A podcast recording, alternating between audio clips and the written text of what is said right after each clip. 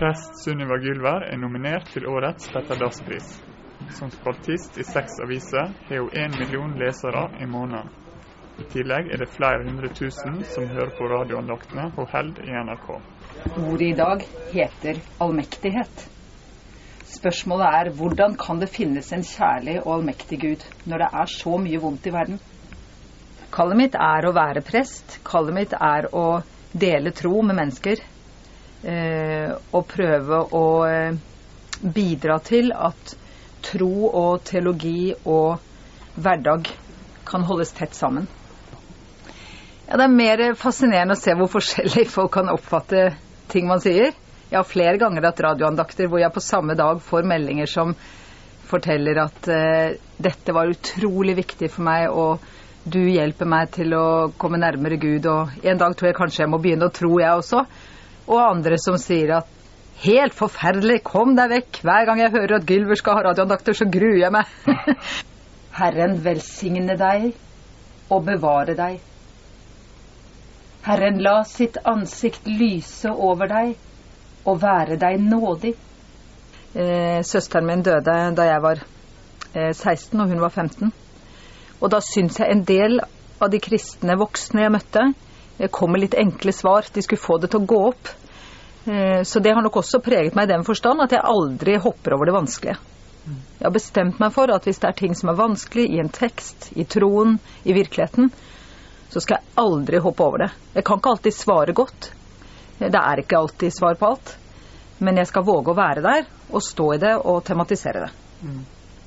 Når jeg er på jobb, og til og fra jobb, så er det viktig for meg å være synlig. For da tenker jeg at da blir man både en påminnelse om en gud, om et annet nærvær og en annen virkelighet, som likevel er en del av denne. Og så blir man et påskudd for samtale. Jeg har opplevd at jeg står på matbutikken på Grønland og så skal handle inn til babysangen, og så kommer den og sier du, er du prest, eller kødder du? Nei da, jeg, jeg er prest. Jeg går an å snakke med deg òg, da? Ja, gjør det. og så eh, lager vi en avtale, da.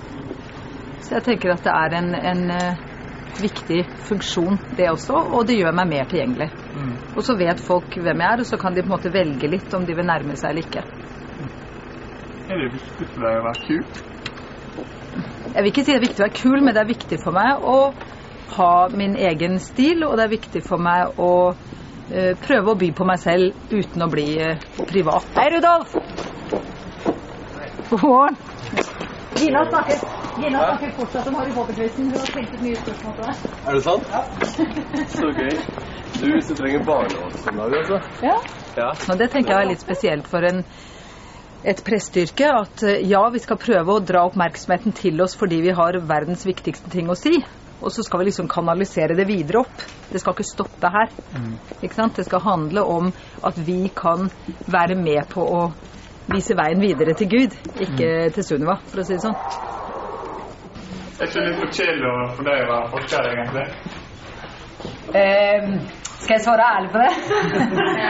uh, jeg syns fortsatt at det er veldig mye morsommere å være prest, men noe av det som er morsomt å være forsker, det er å få lov til å undervise og være sammen med studenter. For de, eh, for de har eh, masse å bidra med, og så har de masse kritiske spørsmål, og de er ikke redde for å si meg imot. Så det å undervise er kjempegøy. Det å forske er, eh, smaker vel litt sånn som tran. Smaker litt vondt, men gjør godt, håper jeg. At jeg både selv skal lære noe viktig og få bidra med noe håper jeg. Mm. Dere da bare lukker, så setter i gang. Er det noen vi mangler?